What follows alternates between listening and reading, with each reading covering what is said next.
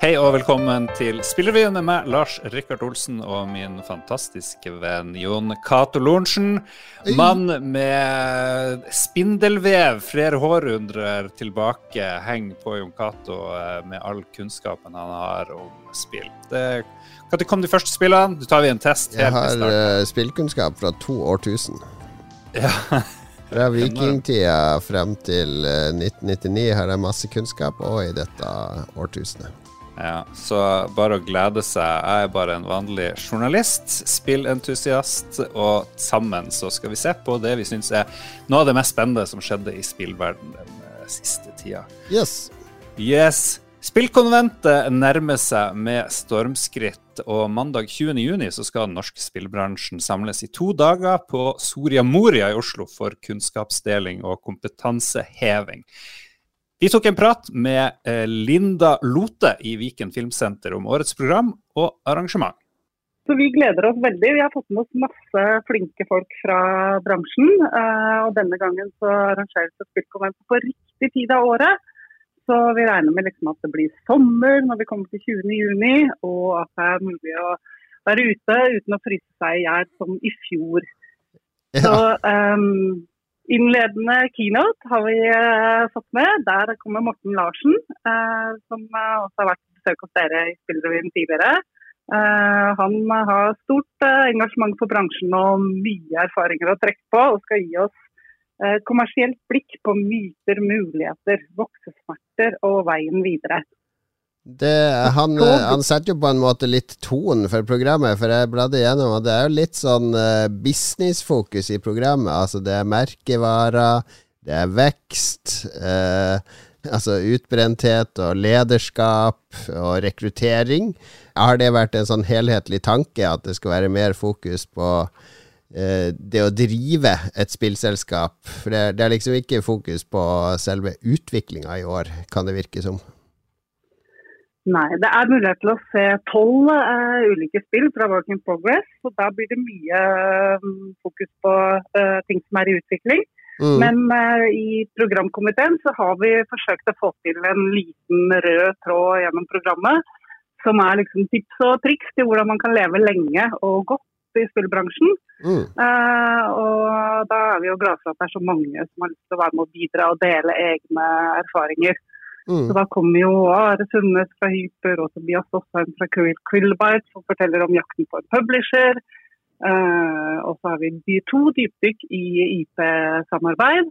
Uh, både Thomas Viktil fra Kvisten og Tinka Town fra Ravn Studio kommer.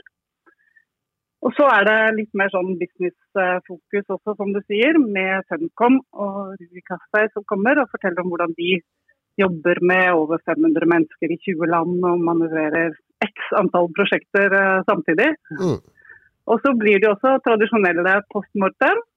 Ja. Uh, hvor Linn Søvig kommer og forteller om uh, Dwarfheim. Og det håper vi at det er nok til å få folk opp tidlig om morgenen søndags, nei, tirsdags morgen.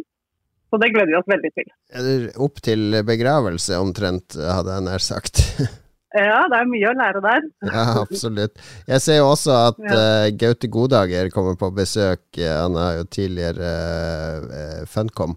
Og skal snakke litt om hvordan ledere skal skape miljø for kreative ambisjoner, og samtidig ha en holdbar bedriftskultur.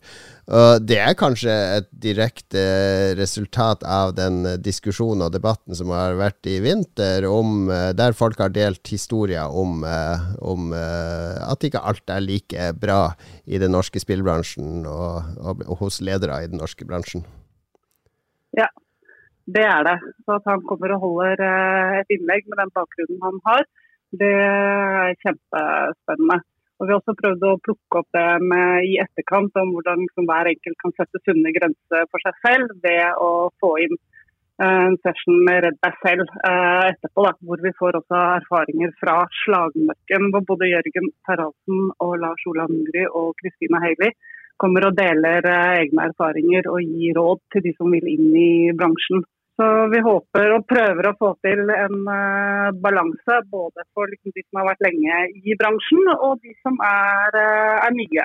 Og ta vare på Eller hvordan, hvordan, skal vi ta vare på hverandre og få til en, en god uh, bransje, en bransje som det er godt å være i.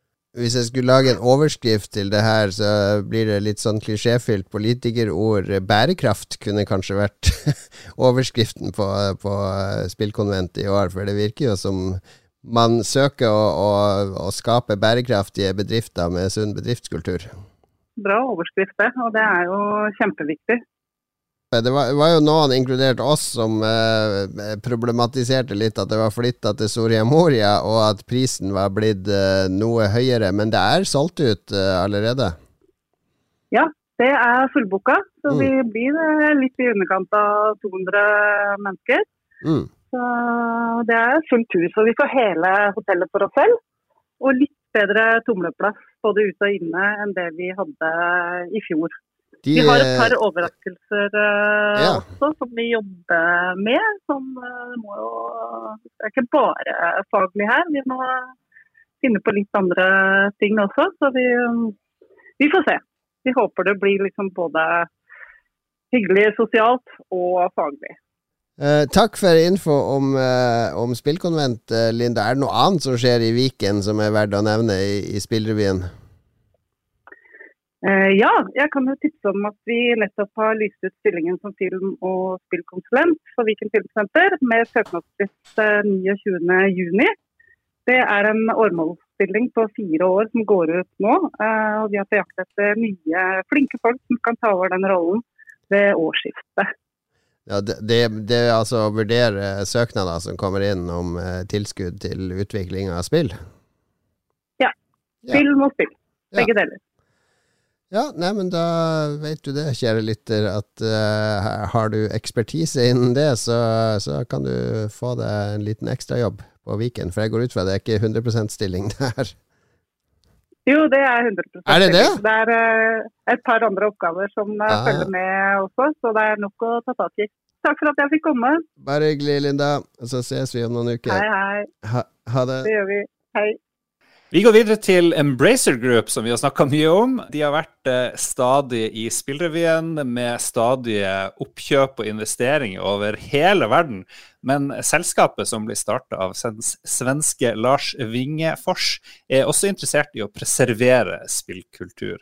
Nå har de laga Embracer Games Archive, som har eh, mål om å arkivere alle dataspill i hele verden. De har investert i en eh, svær underjordisk bunker der dataspillene skal lagres.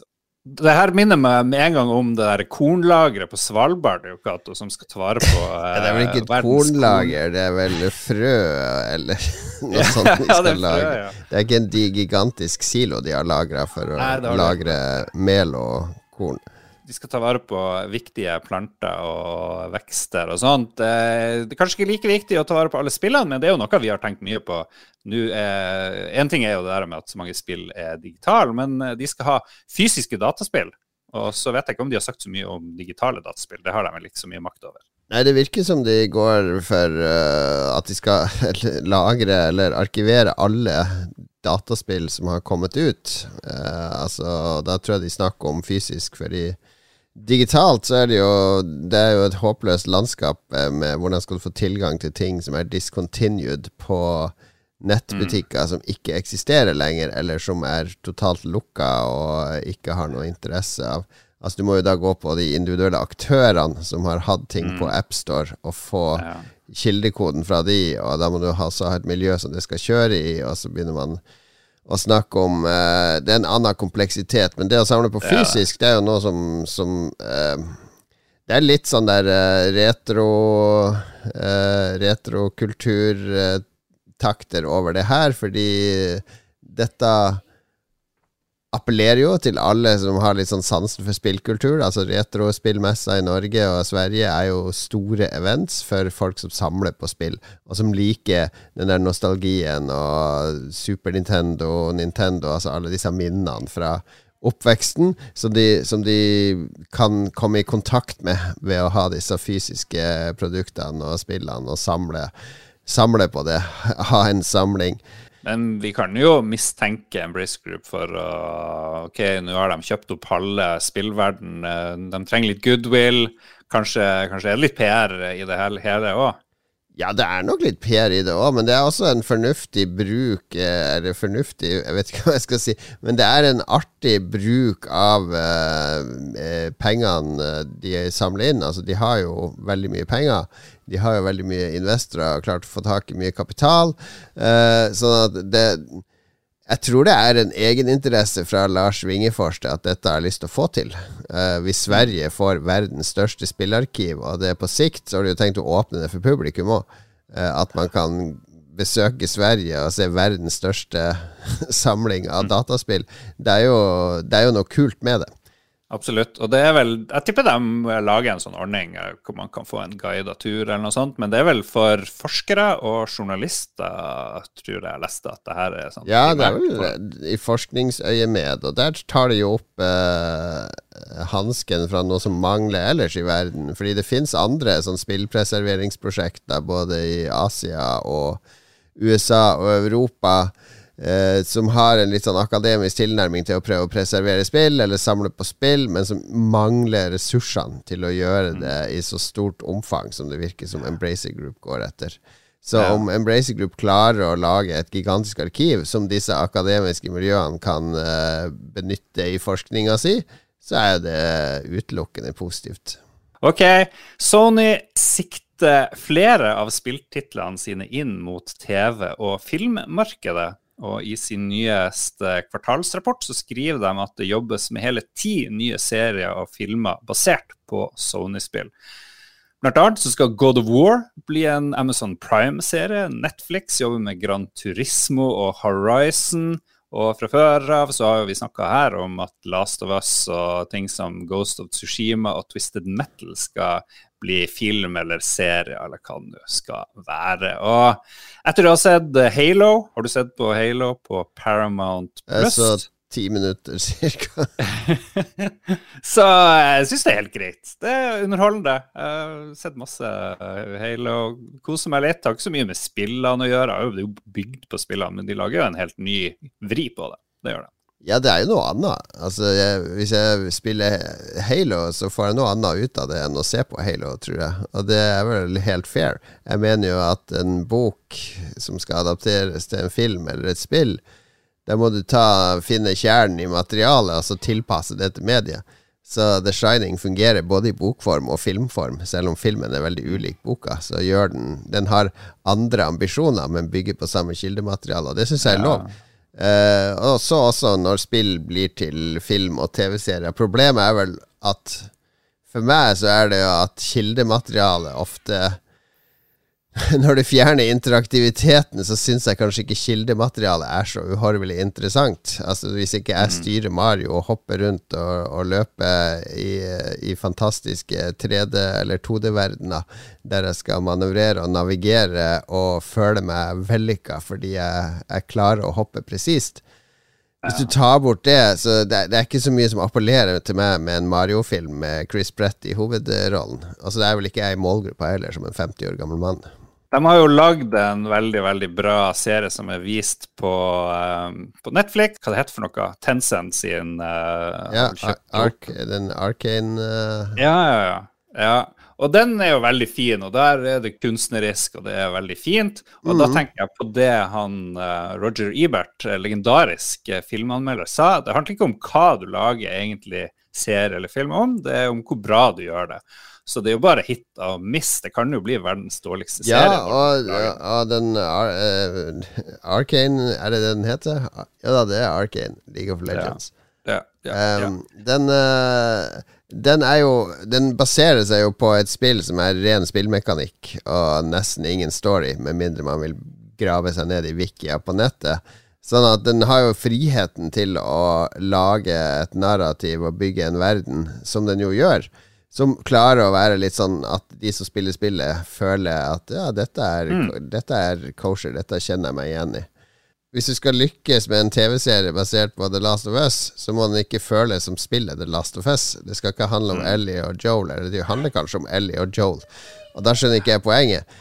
Poenget må jo være å ta et univers og en verden Hvis du lager en Fallout-TV-serie, det er sikkert noen som gjør det allerede, så må det handle om et postapokalyptisk samfunn med referanser til spillene, eller kildematerialet er fra spillet, men det må jo lages som en TV-serie, med en dramaturgi og et narrativ som er tilpassa eh, hvordan mm. TV-serier skal være. Men jeg syns det er gøy at de lager At spill nå konverteres til film nesten i samme takt som bøker. Altså, det å, å filmatisere en bok har jo vært standarden i Hollywood i 100 år, men nå går de mye, mye mer til spillene. Og så er jeg litt sånn der eh, mistenksom på Handler det bare om at de får ting servert på sølvfat? Fordi hvis du ser spillet The Last of Us, så er det basically Ja, ja, her har vi, her har vi rammen til et manus og kulissene og storyboards og alt. Så vi er liksom Jobben er halvveis gjort. Bare skriv et uh, TV-seriemanus. Mens når du konverterer en bok, så er det mye mer arbeid med å, å gjøre det om til film. Jeg føler at verdien i å lage en film eller en TV-serie av et spill, er at spillet er en suksess, og da har du eh, en etablert fanbase som du vet kommer til å også se filmen eller serien. Og så hvis du lager den bra, så kanskje klarer du å utvide den utover den etablerte fanbasen. Mens verdien av å filmatisere en bok er jo at gjerne at boka ikke er megakjent allerede, men at det er en verdi i narrativet og dramaturgien og, og, den historien i boka som vil bli til en spektakulær serie eller film. Jeg tror ikke den samme verdien er i dataspill, og nå er jeg en kynisk og bitter uh, mann, men det, det er grunnen til at dataspill blir til film, er ikke at dataspill har en høy skyhøy kulturell relevans. Det at de er kommersielle produkter som gjør det lettvint å lage andre kommersielle produkter. All right. Pokémon går eh, aldri av eh, moten. Pokémon Company, som eies av Nintendo og de to Pokémon-utviklerne Gamefreak og Creatures, eh, meldte i sin årsrapport at selskapet hadde en økning i salget på 70% sammenlignet med året før, og en økning i overskuddet på hele 123 prosent. Årsaken skyldes tre spill som har hatt suksess i finansåret. Pokémon Snap, Pokémon Brilliant Diamond og Shining Pearl og Pokémon Legends Arceus. Og, eh, ja, og hvor Pokémon Go blir da? Det, glemmer vi det? Mm, vi gjør jo ikke det, fordi Pokémon Go eies jo av Niantic, som har en avtale med Nintendo og Pokémon Company om å lage det spillet. Men Pokémon er jo en stayer, uten tvil. Utrolig ja. sterkt uh, merkevare. Og man kan jo tenke seg hva er det som gjør at de overlever? Nei, Vi som har vokst opp på 80-tallet, Lars, vi har jo sett utallige uh, tegneserier. He-Man og, og Transformers og Hvor er He-Man? Veldig mye rart som kom og gikk. Altså Det var jo ja. greia med barne-TV-ting, er at de var fenomener eh, som kom og gikk. Eh, ble erstatta av noe annet. Mens Pokémon, når det kom eh, i 95-96, tenkte vi alle at ja, dette er også noe som kommer til å komme og gå og bli overtatt av noe annet. For da kommer det Digimon, mm. eller det var andre sånne utfordrere til Pokémon som dukka opp i kjølvannet. Men Pokémon ble en stayer. Og det, det, tror jeg skyldes at Pokémon har vært en sånn multimedial greie. Det har vært kinofilmer, det har vært TV-serier, det er vel 20 pluss sesonger av TV-serien. Det har vært dataspill, og det har vært kortspill. Og Det er det ingen av de andre som, som nådde så bredt. Det har vært tegneserier òg, ikke sant. Så at du har kunnet oppleve Pokémon i så mange kanaler, og så har det vært relativt ok kvalitet i alle kanalene. Det har ikke bare vært å cashe inn på en dataspillsuksess ved å kjapt lage eh, noe ja. skit. Og så er Pokémon også mange barn sitt første møte med anime og manga eh, og, og, japansk kultur, så det er jo sånn døråpner for uh, veldig mange barn. Jeg kjenner jo ingen barn som ikke har vært hekta på Pokémon en eller annen gang. Du som har ny familie og alt eh, oppe fra Finnmark, til og med de barna har vel et eller annet forhold til Pokémon? Jo da, det nevnes Pokémon, men jeg må innrømme at jeg har liksom litt, Vi var litt for gamle eh, for det, men jeg spilte jo masse Pokémon Go, da. Pokémon Pinball var det du spilte Pokémon Pinball, ja. Det var det. Eh, før vi skal snakke om spillene som er ute og aktuelle, så tenkte jeg skulle nevne en sak som er dekt i mediebransjestedet Medier24, hvor de skrev en sak om at nesten ingen presse dekker Telialiga-sluttspillet, og eh, annet Donja Jabari mente at norske medier sover i timen. Og det, av og til så er det jo eh, norsk suksess Da, da, det var en norsk spiller som var med og gjorde det veldig stort i Fortnite, så fikk jo det veldig veldig bred presse. Men så driver noen og mener at norske medier ser for lite på norsk e-sport. Og da har jeg en eh, slags eh, hot take, og det er jo at norske medier er veldig lite interessert i sport eh, generelt. Og spesielt sportsresultater. Det man driver og ser av, av saker som går godt, det er de hvor man snakker om eh, privatlivet til eh, sportsutøvere. Eh, hvem har fått ny kjæreste, hvem er det som er sjuk, er det noen skandaler osv. Og, og så er det selve sporten er forsvinner lite dekt. Og det å skulle tro at ti norske lag driver og kjemper om en, en, i en serie som veldig veldig få kjenner til, så er det ikke så veldig rart at VG ikke kaster seg på ballen. Det, vi har ikke kommet så langt ennå.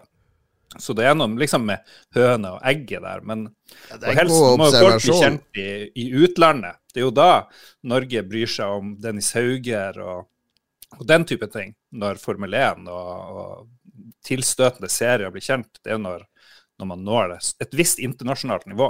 Magnus Carlsen, f.eks. Ja, det, altså, det hadde jo aldri vært sjakksendinger på NRK hvis det ikke hadde vært for Magnus Carlsen. At han er en norsk profil som gjør det bra. Så det, det ligger noe i, i, det du sier her. Og så er det jo Jeg har jo vært konferansier på Telialigaen og alt sånn. Uh, det er jo proft. Det er jo helt proft, og det har gått på TV2 og, og andre steder. Uh, men jeg tror det er vanskelig for et medie, og det vet jo du som kommer fra mediene, til å prioritere å bruke tid og ressurser på noe som er relativt nytt og ukjent, og som ikke genererer 100 000 klikk på, ja. på en time. Det er det som er den eneste målestokken media opererer med. Ja. Og det er veldig lett, som du sier, man måler fort hva er det folk er interessert i. Og med en gang eh, massene begynner å nærme seg og synes det her er kult, så vil det bli dekket mye. Men det er litt sånn, man må jo begynne et sted, så jeg forstår jo at man vil ha en viss dekning av de tingene. Vi må tingene, få en Erling Rostvåg neste uke, som kan utdype hva som skal til for at uh, media skal bli interessert i e-sport. Absolutely. Til slutt så ser vi på uh, spill som er aktuelle, som har nettopp kommet ut, eller som er på vei. Og da ser jeg at du har blinka deg ut én utgivelse. Ja, det er kun ett spill jeg vil fremheve. Det er jo Diablo Immortal kommer jo nå i morgen, faktisk. Til mobil og Windows, så vidt jeg har forstått. Dette er jo det infamøse Diablo-spillet. Du kan si dette var første gang en skuta Blizzard begynte å, å, vise tegn til at uh, skroget på denne skuta er ikke så så, uh, så så, sikkert som vi har trodd. Fordi det var første gang Blizzard fikk en ordentlig sånn backlash fra fansen når de å, Når de brukte BlizzCon på å annonsere nytt Diablo-spill. Alle jubla. Og det kommer til mobil. Alle stønner, og den berømte setninga You guys Don't you guys have phones? Eller hva han sa på scenen. Men uh, det kommer nå endelig. Det blir jo sikkert et dugelig spill, men Blizzard er jo ikke det det var. De har jo blitt ridd av skandaler etter dette her, med, med ukultur i selskapet, trakassering og så videre og Så, videre. så vi får se hvordan spillet blir mottatt. Det er et mobilspill, så det kommer sikkert til å bli spilt av en milliard mennesker takket være India og Kina alene. Absolutt.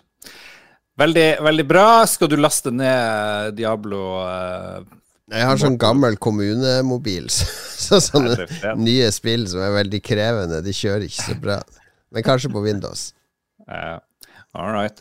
Vi sier takk til uh, uh, hva det heter, Pressfire, som vi samarbeider med uh, hver uke. Hvor du også kan lese litt om episodene som kommer ut. Andre viktige nyheter på spillfronten. Jeg og Jon Cato lager sammen med Mats Rindal og Hansen veldig ofte noe som heter Lolbua.